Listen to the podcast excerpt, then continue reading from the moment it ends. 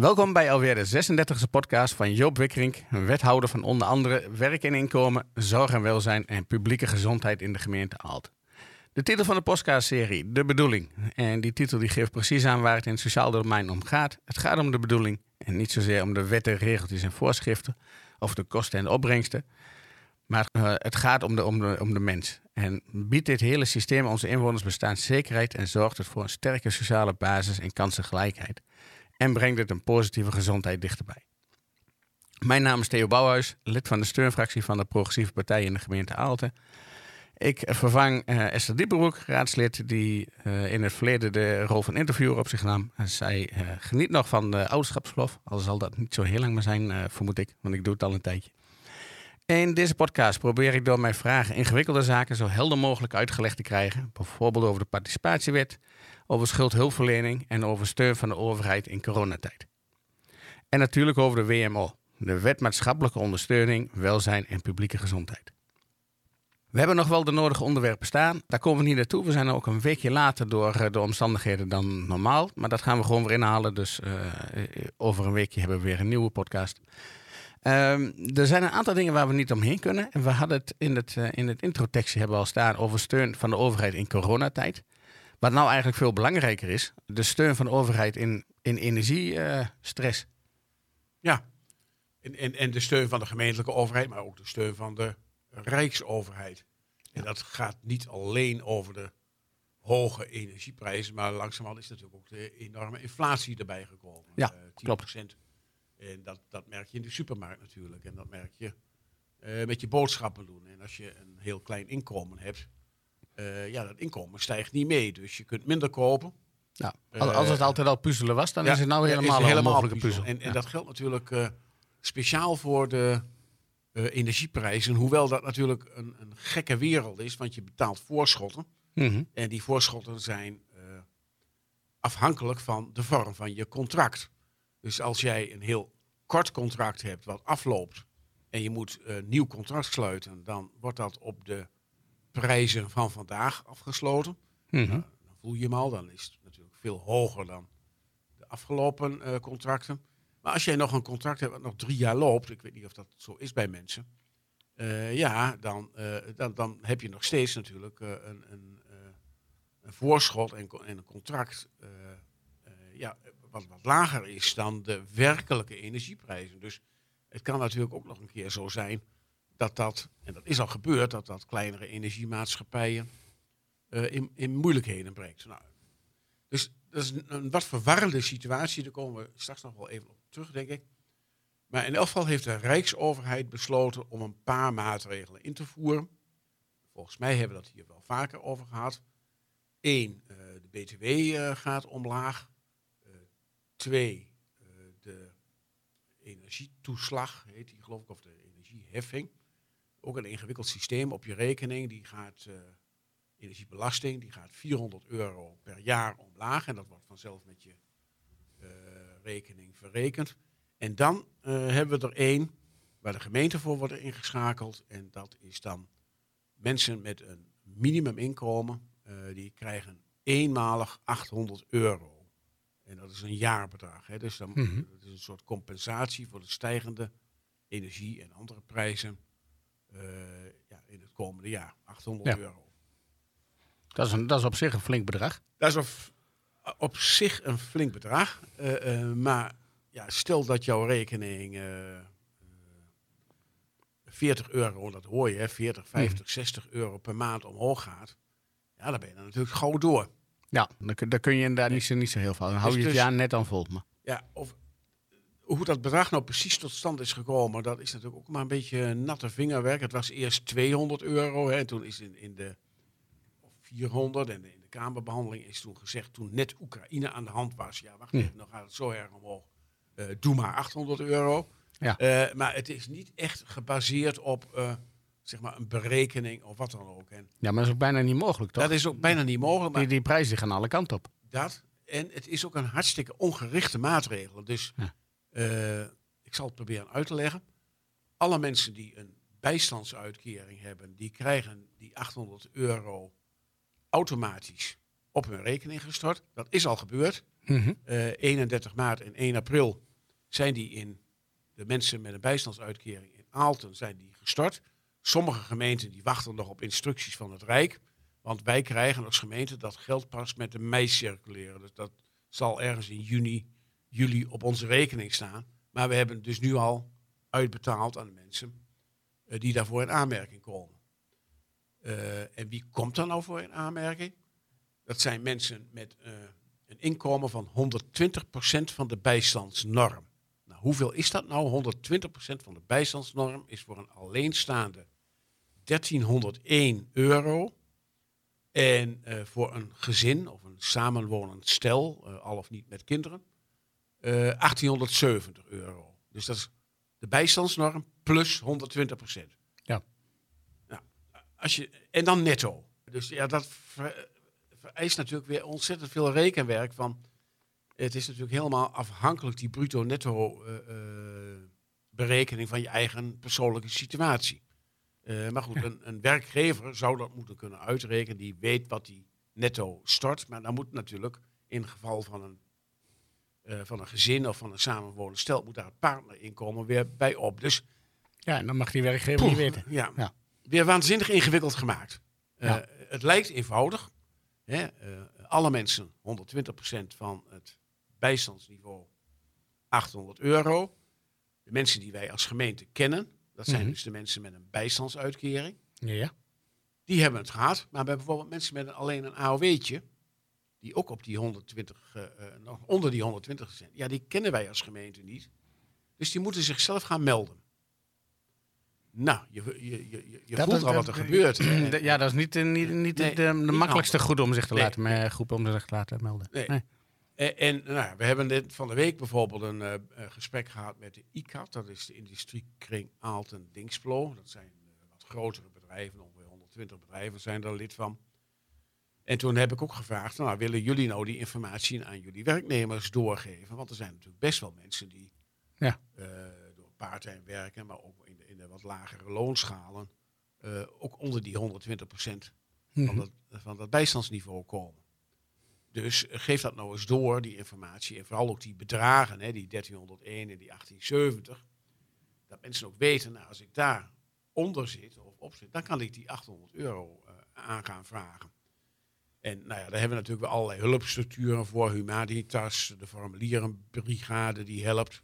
Ja, ja maar al die, en de, de, de mensen die, de, eh, de ouderen vandaag bijvoorbeeld Ja, helpen ja. met de belastingaangifte, kan ik me Ja. voorstellen dat dat een hele mooie eh, binnenkomst is. Ja, en, en natuurlijk, de, eh, het wordt uitbetaald via onze eigen sociale dienst. En die heet dan Laborijn. En die kunnen ook wel helpen. Er is een eenvoudig aanvraagformulier. Maar bijvoorbeeld nog zo een, een ZZP'er. Mhm. Eh, dat heb ik ook aangegeven. Ja, maar hoe bepaal je nou? Want je moet dus je inkomen opgeven van de laatste drie maanden. Ja, Ja. als jij een loonstookje hebt dan, of een uitkering, dan is dat makkelijk. Maar een ZZP'er natuurlijk niet. Nee, Dus klopt. hoe ga je dat?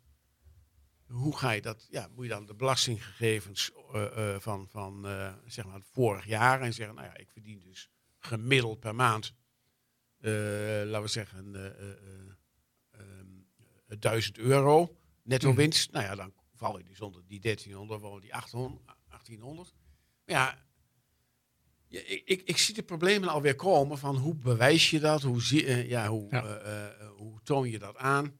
Maken zelfstandige horecaondernemers ook nog recht op. Ja. Kans op. Nee, het gaat dus echt over je netto inkomen. Ja. En, en hoe je aan dat netto inkomen komt. Hè, of dat een uitkering is, of dat je dat verdient, of dat je een part-time baan hebt, of alleen maar kranten rondbrengt, bij wijze van Mhm. spreken. Eh, ja, je moet wel kijken naar, naar, naar het gezin, dus de partner, of alleenstaand. En dan kun je dat aanvragen. Nou, ik heb ook al wel een paar appjes gehad van mensen die zeggen, nou ja, ik heb het gehad, dus eh, bedankt daarvoor. Mhm. Nou, dan hebben we het volgende punt. Eh, ja, als jij al heel weinig geld hebt en je krijgt in één keer 800 euro op je rekening, bedoeld om in de toekomst, zeg maar, je, Ja, je energie te betalen. verhogingen te betalen. Ja. En je hebt op dit moment ja, eigenlijk wel behoefte aan eh, vervanging van je beddengoed of eh, eh, een, nieuwe, een nieuwe koelkast of wat dan ook. Ja, dan is de verleiding natuurlijk erg groot om die 800 euro daaraan te gebruiken. En- Ja, en- maar dat kunnen ook lopende schulden zijn bijvoorbeeld. en, ja, nou ja, ja, precies, dat kan ook.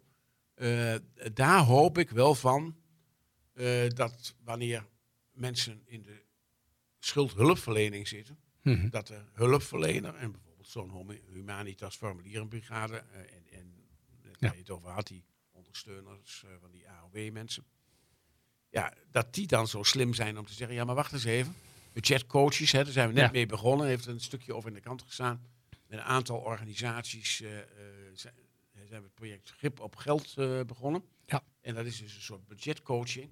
Ja, als mensen maar hulp vragen, dan kun- kunnen die mensen wel zeggen, ja, maar wacht even, geef dat nou niet in één keer uit. En, en, en wacht nou inderdaad of je, dat je het nodig hebt voor die energielasten. en voor mensen die echt in een schuldsanering zitten, dat zijn er gelukkig natuurlijk in Aalten niet zo heel veel, eh, en, en die een bewindvoerder hebben, Mhm. ja, die bewindvoerder die, die harkt die 800 euro natuurlijk binnen en, eh, die, Ja. die, en die bewaart het netjes voor de energierekening.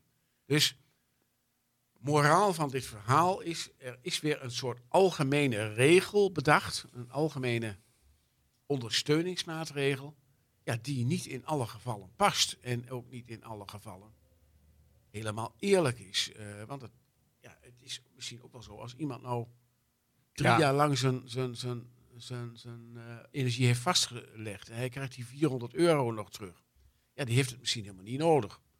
Kijk, voor mensen met een eh, minimuminkomen is 800 euro natuurlijk altijd mooi. Ja, maar ik wou nou zeggen, op zich is, de, is, is dat denk ik dan niet zo erg. Want het komt sowieso bij de groep die het goed kan gebruiken. Ik denk dat het ook heel moeilijk zou worden om eh, te zeggen van... ja, je moet wel even je bonnetje van de energierekening inleveren. Ja, zou dat nou echt niet kunnen? Daar heb ik ook zitten denken. Van, van eh, die energiemaatschappijen, die weten precies natuurlijk wat de voorschotregelingen is. Alleen, zeg maar, de privacywetgeving eh, staat dat in de weg. Wat zij al moeten doen, dat is afgesproken, energieleveranciers. als er een achterstand is van twee maanden, Mhm. Dan moeten ze... dan moeten ze dat dan melden bij de gemeente. En eh, eh, wij mogen dan niet bellen of langsgaan en zeggen... hey, meneer X, u, eh, ik heb gehoord dat u twee maanden achterstand hebt... maar we mogen er wel eh, op afgaan en voorlichting geven en, en iets... eh, ja, dus eens kijken. Nou ja, als dat al verplicht is, na twee maanden achterstand... ja, dan kan dat toch ook misschien iets eerder van... wanneer worden nou die voorschotten verhoogd? Nou ja, dat is een kwestie van... Ja, ja, ja dat, dat klopt. Dus dan zou je inderdaad actief kunnen kijken van alleen de mensen met een, eh, die meer voorschot moeten ja, betalen. Ja, ja. Want er zijn, ja, ik, Ja. ik heb wel verhalen gehoord van mensen die echt 100 euro meer moeten betalen. Eh, dat was dan niet in deze gemeente, maar in onze buurgemeente hoorde ik van een mevrouw die had alleen maar een AOW'tje. Mhm. Wel een eigen huis, oh, dat eh, van haar man, die ze was weduwe. Eh, ja, wa- wa- was dat overgebleven natuurlijk, maar heel zuinig leven, alleen van die AOW. En die moest opeens 100 euro per maand meer betalen. Dat, dat kan ze dus niet. Nee. Dus ja, wat gingen we daar dus doen en adviseren? Ja, neem maar een soort krediethypotheek op je eigen huis. En dan komt dat systeem van langzamerhand je eigen huis eh, eh, opeten. Hè? Ja. Ja, eh, ja, dat zijn dus best wel problemen. En nou ja, wat zou je nou wel moeten doen of ook moeten doen? Daar breken natuurlijk, iedereen breekt zich zijn hoofd erover. En, nou, Ja, maar ik denk, ik denk dat het heel moeilijk is. Maar we kijken heel erg naar, naar die energieprijzen. Ja, eigenlijk, eh, brandstof is ook een vorm van energie. En je hebt ook mensen met een, eh, met een minimuminkomen... die wel met de auto naar het werk moeten. omdat dat moeten, gewoon... Zeker hier in, de hier in de regio heb je vaker dat het gewoon niet op fietsafstand Nee, is. nee, dat soort zaken. Dat klopt. En, en nou ja, die benzineprijs is dus ook iets omlaag gegaan. Hè? Mhm. Ik weet dat maar niet precies, maar het was wel een keer 2,30 euro. En nu is het net onder de 2 euro, geloof ik. Dus Ja. dat scheelt al wel. Eh, en de, en, eh, nou ja, de BTW gaat volgens mij ook nog een keer omlaag. Of, of zit dat al in die verlaging? Dat weet ik niet precies. Eh, maar ook daar, dat zijn algemene maatregelen. Hè, die Ja. vooral ten goede komen aan mensen die toch al veel gebruiken. En die, oh, ja, benzine is goedkoper. Die kunnen best betalen als het duurder wordt. Dus dat is steeds het dilemma natuurlijk waar wij als gemeente ook wel heel erg mee zitten. Heb je nou een algemene maatregel die iedereen krijgt, ook mensen die het helemaal niet nodig hebben? Mhm. Ja, of probeer je dat maatwerk te doen, wat jij terecht al zegt. Ja, dat is hartstikke moeilijk. Ja, het lijkt me eh, sowieso wordt het heel arbeidsintensief. Ja, ja. ja en, en, en precies. En, en we hebben natuurlijk als overheid ook slechte ervaring met maatwerk. Kijk naar de kinderopvangtoeslag. Daar werd ook maatwerk. Ja. Maar wel de hele verkeerde kant op. Ja, Eh, ja, dat was meer strafwerk dan maatwerk. Ja. Dat is, eh, Als je iets niet goed had ingevuld, dan kon je de hele boel terugbetalen. En, eh, maar goed, ik, ik denk dan van, ja, waarom zou je nou niet met die energiemaatschappijen en de overheid... Het is toch gewoon een noodsituatie? Ja, en uiteindelijk is het natuurlijk gewoon zo... eh, eh, die energiemarkt is een markt. En is een, Ja. daar worden, eh, mensen verdienen eraan. Hè. Kijk nu naar de hogere gasprijzen en zo. Die Poetin, die verdient daar opeens aan dat, dat die gas- gasprijzen hoger worden. En ook Shell verdient eraan. Ja. Ja, dus uiteindelijk kom je natuurlijk tot de conclusie eh of de discussie van, ja, moet dat eigenlijk wel eh, niet meer in staatshanden zijn? En omdat energie natuurlijk best wel een ja, het is, het is primair goed is Ja, eigenlijk. ja. Ja. Het is eigenlijk een, ja, een levensbelang, maar Ja, dat, eh, ja. zonder gas dan wordt het wel, eh, wel top inderdaad. Ja, ja. Ja. Dus nou ja, de, de, eh, wat, wat moeten we dan ook wel gaan doen? Ja, en dat is toch wel hard, hard inzetten natuurlijk op die energiebesparende maatregel. En kijken of je dat energieverbruik, althans het gasverbruik, ja, elektriciteit is daar gekoppeld natuurlijk. Dat is ook Hmm. allemaal weer zo vreemd. Ja. Eh, het- is niet duurder om het te produceren. Misschien met de gasgestookte centrales wel. Maar ja, het, is, het, fluctueert dus ook met die gasprijs. Ja, want dan zat ik nog aan te denken, dat voorbeeld wat je noemde van die, eh, van die vrouw met die AW, die nou een, een- een- toch een hypotheek op de, op de huis eh, neemt.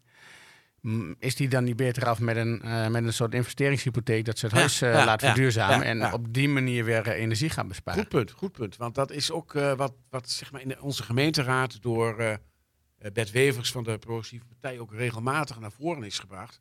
Laten we nou eh, de mensen die eh, zo weinig inkomen hebben, dat ze ook niet in aanmerking komen voor een lening, omdat ze eh, eh, niet, volgens de banken niet terug kunnen betalen, of zelfs schulden hebben en bij de BKR in Tiel Mhm. geregistreerd staan, krijg je geen lening. Laten we dat nou eh, zodanig veranderen dat dat wel mogelijk is. En dan zeggen anderen, ja, maar je gaat die mensen toch niet verder in de schulden steken? Nee. Maar als die lening gebruikt wordt om je energieprijs en ver- eh, verbruik eh, drastisch omlaag te brengen, ja, Dan, Eh, dan, dan verdien je terug Ja, in de, ja. in, in, in de Ja, maandlasten. Ja. ja. dat klopt. Dus ja, dat zou een mogelijkheid zijn. Een versnelde verduurzaming van vo- vooral de oudere huizen natuurlijk. eh, Mhm. En dan natuurlijk ook met de woningcorporaties. Ja, maar dat is de keerzijde nu. Eh, verduurzamen verdient zich veel sneller terug. Ja, ja, ja. ja. En, en, en een versnelde, en, en eh, die discussie gaan we krijgen natuurlijk, een versnelde investering in eh, hernieuwbare energie. Ja. Dus Zon, wind, aardwarmte enzovoort. Ja, de noodzaak is wel duidelijk geworden nu natuurlijk. Ja, klopt. Ja, en daarmee heb je natuurlijk nog niet die enorme inflatie bestreden. Maar, en dat betekent, ja, hoe je het ook wendt of keert, de lonen en de uitkeringen zullen omhoog moeten. Anders kun je niet meer eh, eh, je boodschappen doen of je Nee, nee, energie... dan- Dan, dan kun je niet meer in je leven Nee. Tenminste, Dan- zeker niet als het nou wel moeilijk is. nee, nou ja, goed, en dan zie je natuurlijk, eh, ja, dat jaagt de inflatie misschien weer aan. Maar ja, we zitten ook nog steeds met die idioot lage rente. De ECB die wil ook maar steeds niet die rente verhogen. Ja. Want dat heeft een remmend effect op de inflatie. Ja, de, de hypotheekrente die gaat nou eh, Gaat is, wel, is wel iets omhoog ja. gegaan, eh, begreep ik. Ja. Dus eh, ja, zo'n hele crisis maakt opeens wel de kwetsbaarheid van het hele economisch systeem Mhm. duidelijk. En maakt ook heel duidelijk dat de mensen die al veel hebben, of veel, ook veel vermogen hebben, Ja. het allemaal niet zoveel uitmaakt. Maar juist de mensen die net op die rand zitten, eh, van, van minimum, nou we hebben dat dan gezegd, 120% van, eh van minimum inkomen. Nou ja, als je eh, een gezin hebt en je hebt eh, 1800 euro netto, nou ja, dat is niet veel. Maar, maar het is wel te doen natuurlijk. En, en, en, maar goed, als je, als, daar, als je daar dan nog die 800 euro van voor kunt beschikbaar stellen, nou, dat zou mooi zijn. Ja, ze- het, het zal in ieder geval een hele goede steun zijn voor de mensen. ja, ja. Ook, ook voor de mensen die, het, eh, die niet extra energie... eh, Maar het, er moet wel wat gebeuren, want we kunnen niet blijven compenseren en pleisters plakken natuurlijk. nee, nee, dat klopt. Nee. Dat is, Dus er eh, moet iets met die inkomens, er moet iets met het energieverbruik. Ja. Het mooiste zou zijn dat die oorlog afliep. Maar dan moeten we toch ook ons minder afhankelijk van de buitenland maken. En van, zeker van Rusland. Ja, ja nou ja, die, die motivatie voor, voor iedereen die is, die is wel duidelijk ondertussen. Dat we zo snel mogelijk van Rusland af moeten. Volgens mij ook wel, ja. ja. En het feit dat we eh, dat eigenlijk moeten bewerkstelligen door te zorgen dat we überhaupt eh, minder energie hoeven te importeren. Ja. Dus dat we minder verbruiken. Ja. Die, eh, dat gevoel is er ook wel heel sterk. ja, ja. Dus dat, ja, we kunnen het ook niet uit Groningen halen. Dus de, de- we moeten gewoon zorgen dat er geen energie de, deze kant meer op hoeft. Want Dat en, en, en, en inzetten op de hernieuwbare en, en duurzame energie. ja, klopt. Eh, ja, en, en dan moeten we toch maar even voor lief nemen dat er wat meer windmolens komen, eh, denk ik. Want dat is op dit moment ja, Ja, de dat, is, meest bewezen techniek natuurlijk. dat, dat is de meest bewezen techniek. En dat, het is sowieso bewezen dat je niet alleen met zonnevelden Nee, redt. precies.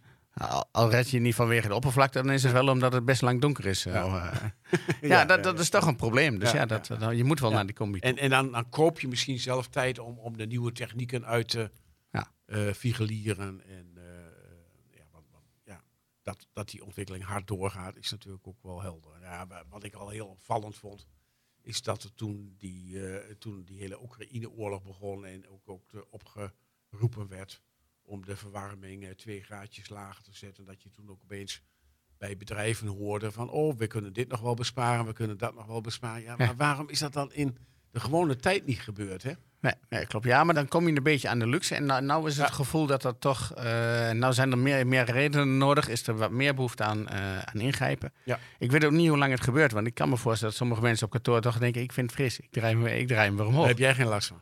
Ik heb, heb ik geen last van. Nee, ik, eh, ik, ik doe het heel energiezuinig in mijn, Nee, eh, in mijn kantoor. Dat zien Ja. de luisteraars natuurlijk niet, maar de interviewer hier die zit altijd in zijn t-shirtje, dus die heeft gewoon geen last van de kou.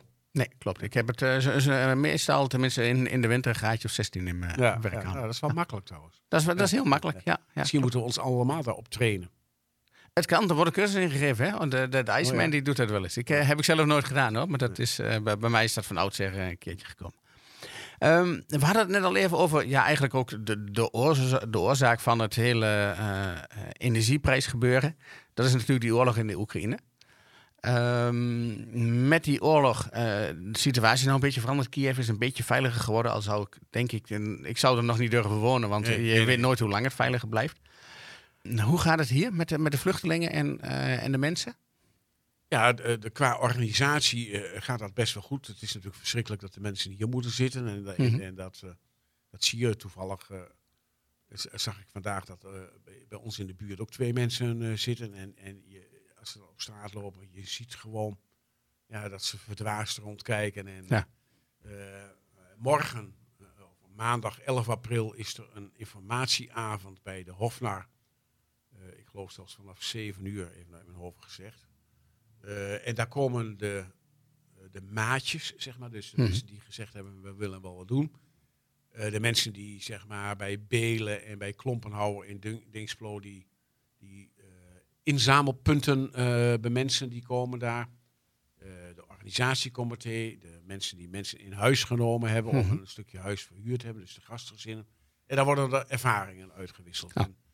We hebben op dit moment hebben we ongeveer 90 eh, eh, mensen, waarvan eh, ik dacht zo'n 36 kinderen. Mhm. Eh, en dat is wel leuk. Eh, die kinderen krijgen dus ook nu allemaal onderwijs. Want met die 90 mensen kwamen ook twee onderwijzers mee. Oké, hebben dat dus is wel nu prettig. Nieuw Hessen, dat is aan de Hessenweg hier in Aalten. Ja, dat is een, een, een school voor speciaal onderwijs. Daar is een lokaal vrijgemaakt. En daar zitten dus nu de Oekraïense kinderen. Degenen die zijn aangewezen op voortgezet onderwijs, die moeten dus eigenlijk naar de internationale schakelklas. Mhm. Uh, in Doetinchem zit die vol. Uh, en ook allemaal personeelsgebrek natuurlijk. En ook nu Ja. veel ziekte. Dus we wachten even op dat er in Winterswijk zo'n internationale schakelklas opgezet wordt. En voor de time being zitten ze uh, in het uh, gebouw naast de Zuiderkerk in Aalten. Dat is een soort jongerencentrum geworden. Mhm. Inloopcentrum. En daar zitten ze, uh, de, de, de, leerlingen uh, die dan aangewezen zijn op voortgezet onderwijs, die zitten uh, op. Uh, ja, die zitten daar huiswerk te maken, online les te volgen. En onze jeugdwerkers van Vigelus, die houden daar een beetje Ja. de boel in de gaten. Dus onderwijs is geregeld. Dat, dat is wel heel prettig. Dan, maar, eh, niet alleen omdat ze anders een achterstand lopen, maar ook omdat ze op die manier eh, Ja, ze continuïteit zijn hebben. dus ook leerplichtig. Hè. En, Ja. en, en Ja, maar je hebt ook een dagprogramma. Dat is Ja, denk ik ja, voor je, eh, om, om je leven een beetje op de, op, de, op de draad te krijgen, is dat toch wel heel prettig. Ja, datzelfde geldt natuurlijk met werk. Mhm. Eh, er zijn best mensen die aan het werk willen, maar er zijn ook mensen die natuurlijk hun kop zo helemaal er niet naar hebben staan. Ja. Ik bedoel, je zult maar gevlucht zijn, alles achtergelaten hebben, je zorgen maken over je familie. Ja, dan heb, heb je nog niet zo heel erg veel trek in werk. We hebben eh, regionaal hebben we ongeveer uitgerekend dat zo'n 30 tot 40 procent van de Oekraïners wellicht enige vorm van arbeid zou kunnen doen. Mhm. Vergeet ook niet, het zijn ook heel veel moeders met kinderen die hier zitten. Ja, natuurlijk. klopt. Dus die moet ook, eh, dan moet er ook iets van oppas eh, Ja, zeker. zijn. Dus dan hebben we kinderopvang nodig. Ja, en kun je in deze situatie ook eh, ja, moeders bij hun kinderen weghalen in, in zo'n traumatische situatie. Dus daar moet je toch erg wel voorzichtig moet zijn. Maar nou ja, dus ook hier de industriekring waar ik het net over had, die heeft ook gezegd wij willen eh, best helpen om eh, te kijken of we eh, banen hebben voor de Oekraïners. Dus dat hebben we nu Hm. ook een beetje in, in een organisatie gezet. Ook op Achterhoekse schaal via het regionaal mobiliteitsteam. En een uitzendbureau wat in Dingsplo ook actief is. Nou, kijken, als daar mensen willen werken, dan, dan hebben we wel plekken. Ja, en dan komen er natuurlijk vanuit het Rijk steeds maar regelingen. Eh, Mhm. Eerst hadden we de zak- en kleedgeldregeling. Ja. Eh, 60 euro per eh, persoon per week, per volwassen persoon. Nou komt er ook een wooncomponent bij. eh, wat we nog goed moeten bekijken. Maar dan is het dus mogelijk dat mensen die ja, ook eh, eh, zeg maar een, eh, een opvang hebben die georganiseerd is door de gemeente, Mhm. eh, dat die opvang dan ook betaald kan worden. Stel, we hadden in het Kasper Suus in de Heurne, hadden we eh 30 mensen zitten. Of, nou, niet helemaal 30. Maar dat kon maar tot 1 april, want dan was die verhuurder dan iemand anders. Maar dan hadden we dus, als die regeling er was, hadden we ook eh, die eigenaar kunnen betalen. En eh, mensen die bij gastgezinnen zitten, ja. De regering heeft gezegd, die gastgezinnen krijgen geen geld. Mhm. Maar de mensen die er zitten wel. En ja, dan moet je onderling maar regelen. eh, of je kostgeld betaalt of niet. Wij vinden dat heel erg ongewenst. Eh, maar ja, zo is de regel nu. Wat vind je ongewenst dat ze kosten Nou ja, eh, moet, da- moeten Daar betalen? krijg je of dus discussies over. En, Ja. en eh, de een die eet wel eh, met, met de mensen mee. En de ander eh, die, die kookt zelfs een potje. De een die heeft een, een, een, soort eh, eh, eh, zomerhuisje wat op het terrein van mensen staat. En de ander die wonen echt over huis. Dus die situaties zijn zo verschillend. Eh, ja, en, en, eh, en, en je krijgt natuurlijk ook van... Ja, je moet natuurlijk ook niet hebben dat, dat mensen eh, voor het geld eh, eh, mensen op gaan vangen. En, dat zal Nee, dat klopt. zijn hoor. De meeste gastgezinnen zeggen nu, maar dat zullen we morgen ook wel horen. De meeste gastgezinnen zeggen van, oh, de- ik hoef er geen geld voor te hebben. Maar Ja. als dat een half jaar of drie kwart jaar duurt, is dat dan nog zo. Ja, ja, want op kijk, op het moment dat je een bed en breakfast hebt eh, en je stelt het beschikbaar, Ja. dus de, de buitenseizoen is dat op zich, Ja. doet het je niet zoveel pijn. Nee. Maar op het moment dat in het hoogseizoen Ja, nog steeds dan de, de behoefte er is, dan mis je inkomsten. Ja. Dus dat soort regelingen zijn er. Er is echt een hartstikke goed samenwerkingsverband tussen eh, de diaconieën, heet dat, van de kerken. eh, de Aaltense uitdaging, Schaarsvoorde, de welzijnsorganisatie en de gemeente zelf. Mhm. Er wordt echt alles overlegd en dat is ook steeds, dat hebben we hier vaker over gehad. Het is zo ontzettend belangrijk dat, dat we weten van elkaar wat we aan het doen zijn. Ja. Eh, want ik hoorde vanmorgen nog op de radio, er zijn nou 24.000 Oekraïners die worden opgevangen in Nederland in de overheidsachtige opvang. En enkele duizenden, zeiden ze op de radio, bij particuliere adressen. Nou, hier is het echt volstrekt andersom. Ja.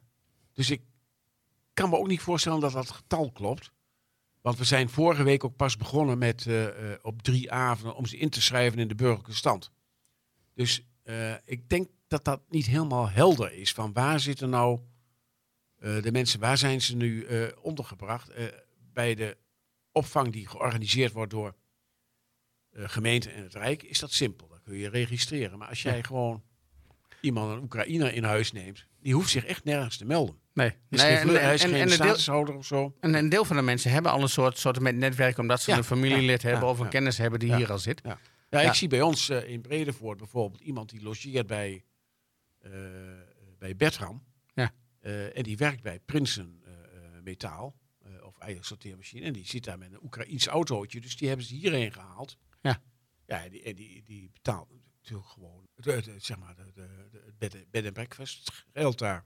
Ja. Dat zie je ook. Ja, die, die, die betaalt gewoon zijn overnachting. Ja, Ja, dat, ja. eh, dat zijn natuurlijk ook manieren om het, Ja. eh, om het te doen. Nou ja, en de, de meeste zorgen zijn natuurlijk van hoe lang duurt het en, en hoe lang blijven de mensen hier. En eh, er er heerst natuurlijk ook een totale informatieoorlog. Dus wat je precies moet geloven, Ja, dat is ook niet duidelijk. is niet duidelijk. Ik hoorde vandaag aan de radio nog dat, dat ja, Rusland toch bezig is een soort oostelijk front daar neer te leggen. Mhm. Maar op een hele andere manier oorlogsvoering. Heel ouderwets eigenlijk, met tanks en dingen. En dat zijn wij allemaal verleerd. En, Ja. en eh, nou, nou ben ik ook niet zo voor oorlog, maar eh, ja, onze, onze defensieindustrie heeft weinig tanks en wapens die, die, eh, en, dat soort dingen. En dat hebben ze daar dan nodig. Nou, dat hebben we hier niet. Du- dus ja, ze zijn daar wel bang dat, dat Rusland daar de boel in die Donetsk-regio, of hoe heet het, Ja, ja die, de die Donbass. eh, ja, ja. Ja. onder de voet zal lopen. Ja, en dan krijg je daar misschien een soort van nieuwe grens. En dan kun je misschien wel weer terug naar Kiev, maar niet naar die oostelijke delen. Dus Ja. ja, wie het zal zeggen? Ja, ja, ja, die oostelijke delen zal sowieso moeilijk zijn. De, de- Rusland is daar ook heel erg happig op. Ja. Ik ben ook bang dat straks Oekraïne met een hele, hele kleine kustlijn eh, Ja. zit. En dan is dat voor, voor de economie van het land natuurlijk ook een, eh, een drama. Ik weet het niet, maar in, in die oostelijke deel zullen ongetwijfeld grondstoffen zitten. Want daar gaat de oorlog altijd over. De- ja, of ze, of ze daar zitten, dat weet ik Ja. niet. Maar dat, maar dat zou inderdaad wel kunnen. Ja, en Ja. die, die eh, uitgang naar zee, ook altijd, daar gaat het ook altijd over. Ja. Dus eh, het gaat allemaal niet zo over ideologie. Het gaat altijd over bezit, om macht, om economie, om grondstoffen, om uitgangen. Ja. Ja, en eh, ja, ik weet, ik weet ook niet hoe het, hoe het hier af gaat lopen. Maar oké, wij hebben dus op zich in, in de gemeente, dankzij dat particulier initiatief ook, Mhm. het, eh, het eh, mooi voor elkaar eh, eh, eh, qua structuur. Mensen weten waar ze aan toe zijn, wat ze moeten doen. Natuurlijk, eh, eerst hebben we gezegd, gun ons de chaos even. Eh, maar dat, dat, dat zet zich hoe langer hoe meer. En Nou, dat- ik ben benieuwd ik- wat we horen op die, op die informatieavond aan Ja. ervaringen. Ja, nou ja, wat, je in ieder geval zei van, eh, we, we hebben het aardig eh, voor elkaar hier. Dat vond ik wel heel leuk. Ik was, ik was gisteren aan de wandel met een, eh, met een stel bekenden van me. Het was wandelweekend. En daar zei er ook eentje van. Die, die, die zit op zo'n een deel van de tijd op zo'n vakantieparkje. daar, daar zit de, het huisje ernaast. Daar Ja. zitten, eh, zitten een aantal vluchtelingen. En daar kwam daar op een gegeven moment ook naar voren toe van... Ja, het, het is eigenlijk hier een altijd heel mooi geregeld. Want er, er was gewoon een aanspreekpunt bij de gemeente. Ja. Die, die ze kon helpen met eh, waar, je naartoe kon, wat je Ja. kon doen en dat soort dingen. Dat is hartstikke belangrijk. Dus, dus ze, ze, ze konden heel makkelijk, eh, ze konden heel makkelijk op gang komen. En dat is toch wel heel erg prettig. Ja, nou ja, goed. En, en, en, eh, maar we weten niet wat we allemaal. Stel dat, we, dat, dat het aantal verdubbelt. Zijn we dan nog zo Ja. hulpvaardig? Hebben we dan nog zoveel adressen? Hebben we dan nog zoveel mensen die hulp willen bieden? Ja, moet je een maandje je badkamer delen of, eh, of Ja. moet je hem een half jaar delen? er zit een heel verschil in Het zijn best wel vraagstukken hoor. En daar kun je wel wat luchtig over doen. Maar eh, ik zeg ook altijd van bezint wel eer je begint. En, en eh, ja, wij zijn natuurlijk allemaal gewoon echt onze vrijheid ook wel gewend. En onze ruimte. En, en om dat te delen met anderen. Ja. Het gaat eventjes goed, maar misschien niet altijd. Nee, nee, dat klopt. Maar ja, van de andere kant, het, eh, het, het mooie ervan is, is wel weer dat, eh, dat we ook in, in Nederland eh, wel weer beter onze vrijheid waarderen. Vind, vind En de ik- ruimte die ja, we hebben en de, en, Ja. en de welvaart die we hebben. Dat, ik was dit weekend bij twee muziekuitvoeringen. Hè, daar moet dat ook, daar moet je langs. En het gaat in die muziekuitvoeringen alleen maar over oorlog en vrijheid. En over, over dat soort muziekstukken. Ja. En vanmiddag nog Imagine van John Lennon is dan natuurlijk weer enorm populair. Want ja, eh, dat, dat zijn wel zeg maar de dingen waar mensen dan over beginnen na te denken. Zeg van, ja, hoe komt dat nou toch? Dat, dat, dat mensen Ja. elkaar de kop inslaan en doodschieten. Ja. Dat heeft geen enkele zin. Dus dat, eh, ik zit een beetje te kijken naar de tijd. We schieten lekker op in de tijd. Ik wil eh, wel vast even een klein stapje vooruit doen. Een beetje een blik vooruit. Ook wel in aan de huidige actualiteit. Er, wo- er wordt gewerkt aan een, eh, aan, aan een nieuwe fractie. Aan een, eh, aan een aantal partijen. ja. Aan, aan een nieuw college. En ehm, er, is een formateur. In Aalst of een informateur. Ja. En, eh, maar jij bent het eigenlijk ook. Maar, Ja. dan, maar dan niet hier. Nee, in, in Borne, in Overijssel, vlak bij Hengelo.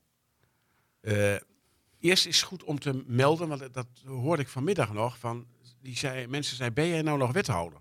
Ja, de wethouders in het huidige college blijft dus gewoon in functie en alle dingen doen totdat er een nieuw college is. Ja. En dat kan drie weken duren, dat kan zes weken duren. Eh, en ik geloof dat... dat Als we het grote voorbeeld van, eh, van het Rijk gaan Ja, volgen, ja, gaan dan ben je nog heel lang geloof, wethouder. Ja, ik geloof dat het, eh, het, het record iets van 100 dagen is of zo. Dus dat moet ook helder zijn. De, de, het huidige college is er nog gewoon. Mhm. Eh, en wat mij betreft eh, blijft dat. nog. Ja, ja. Maar dat is dus een kwestie van onderhandeling. En eh, nou, zo is dat dus in elke gemeente. En de verkiezingsuitslag is geweest. En bij de meeste gemeenten zeggen ze dan, nou ja, dan moet eens even een informateur, die moet gaan informeren of verkennen.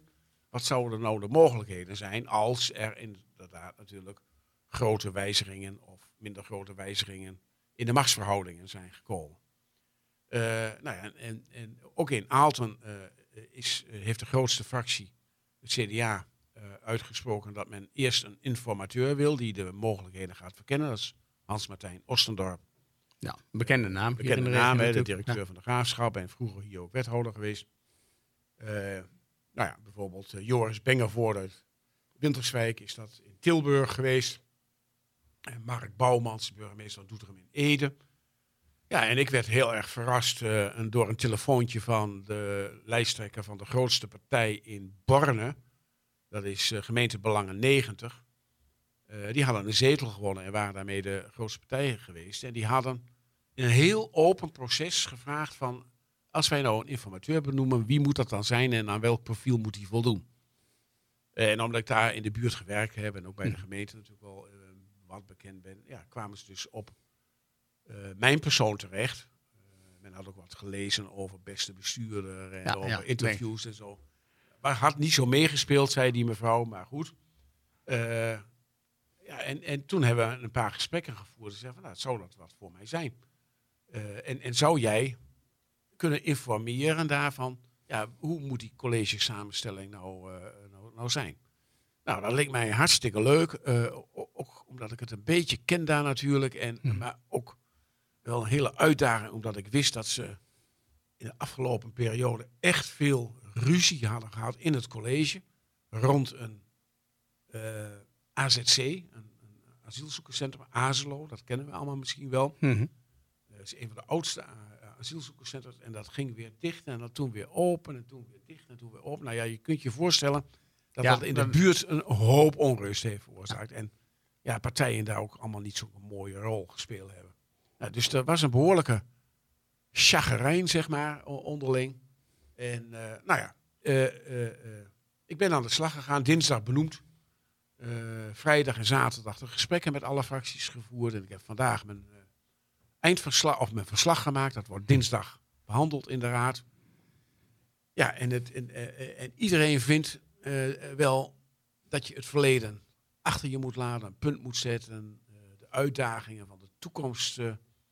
Ja. eh, eh, en die zijn gewoon niet zoveel anders dan in andere gemeenten. Hè. De energiecrisis natuurlijk, woningbouw, duurzaamheid. Dat zijn de drie topics toch Ja. eh, die overal spelen. Dus nou, ik vond dat heel mooi werk om te doen. En hier loopt dat dus ook. Hier zijn dus ook gesprekken en er komt dan ook een advies van zo'n informateur. En meestal gaat het dan zo dat zo'n informateur zegt: Ik heb alles bekeken, je moet daar en daar eens gaan, gaan werken. Mhm. Eh, tegelijkertijd is, is men hier bezig met een soort eh, lijstje van belangrijke punten. Dat noemen ze een raadsprogramma. eh, waar we de komende tijd aandacht aan moeten besteden. Nou, als dat allemaal wat in, helder is, dan komen de poppetjes pas. Ja. en, en- maar bij, je leest dat nu ook al in de krant. Hè? in, in Tilburg gaan die partijen bij elkaar zitten. In Doetinchem zijn er gesprekken tussen die. Maar dat is dus helemaal afhankelijk van wat zo'n informateur doet. Ja, maar, neem, ik neem toch aan dat ook de partijen onderling al wel een beetje contact hebben gehad voordat die Tuurlijk. informateur uh, Tuurlijk, fietsen. daar, daar, daar moet je niet, niet moeilijk over doen. Eh, eh, Zo'n informateur, dat is natuurlijk het officiële proces. Maar die partijen die kennen ook, hebben ook wel apps. En die Ja. hebben ook wel telefoons. En die hebben ook wel mails. Dus daar, daar gaat wel wat heen en weer. Maar in dit geval hebben alle partijen wel gezegd in Borne... wij vinden het heel mooi dat die grootste partij niet meteen zegt... en zo gaan we het doen. Mhm. En ik nodig die en die partijen uit om een college te vormen. Maar eerst ook goed uitzoeken van wat zijn nou de problemen? Kunnen we die oplossen? En hoe moeten we dat dan doen? Dus ik ben daar wel heel erg optimistisch over. Ja, ik vond het ook heel erg leuk werk. Ja, zeer intensief natuurlijk. Als je met Ja. zeven fracties anderhalf uur moet praten. Ja, dat is, dat is best. Maar eh, daardoor, ik heb ook eh, in mijn eindverslag gezegd, mag- kan ik nu al wel zeggen. Eh, ik heb mij de la- laatste anderhalve week een beetje bornenaar gevoeld. En eh, eh, heel veel geleerd over zo'n gemeente. Ja. ja, dan gaat het eens een beetje rondwandelen natuurlijk. En je kijkt eens wat zo'n nieuwbouwwijk is. En hartstikke leuk om te doen. Leuk, eh, leuk plaatje. Ja. Ben, eh, Ja. het, eh, het, Het lijkt wel een beetje op Aalten Ja, natuurlijk. ja, dat klopt. Ik ben een paar jaar geleden eh, redelijk frequent geweest voor, eh, voor, voor mijn werk. Dat is inderdaad leuk... eh, Ja, ja, het is natuurlijk wel eh, echt een, best ook wel een, een, een oud dorp, maar ook wel een uit de kluiten gewassen forensendorp. Hè. En ze Ja. groeien ook natuurlijk. En iedereen die daar woont, die werkt natuurlijk in Almelo, Hengelo of in Enschede. Ja. Nou ja, dat- Een relatief klein deel werkt in Bonn zelf. Ja, ja, ja, ja. En nee, maar het is erg leuk om te doen. En ik hoop ja, dat het ook wat uitkomt. En ik hoop natuurlijk ook dat hier in Aalten eh, eh, wat goeds uitkomt. Daar heb ik ook wel alle vertrouwen in. Maar goed, wat de boodschap dus is... Het gaat allemaal gewoon door in de gemeente. Het huidige Hm. college blijft gewoon de- taken uitvoeren en eh, blijft zitten. Eh, totdat er iets nieuws is. Oké, nou dan, dan, weet ik nou wel dat ik je volgende week ga vragen, om, eh, Ja. of, of komende vrijdag eigenlijk, Ja. dat, dat ik je ga vragen hoe, het, het, hoe de stand nu is met het Ja. gesprek. Of daar Ja. al iets van te melden is. Ja, ja. Die gesprekken zijn wel vertrouwelijk. En die, maar er komen wel openbare verslagen van. Maar pas komen die openbaar natuurlijk als het in de raad behandeld wordt. Klopt. Maar we Over, kunnen over iets van een ervaring of Ja, een gevoel ja, vast we kunnen vast wel Dus vertellen, eh, denk ik. Ja, ja, ja. ja. helemaal goed. Dan rond ik hem hier- hierbij af. Bedankt Ja. voor je toelichtingen weer. ja. En dan, jij weer eh, bedankt voor de vragen en het gesprek.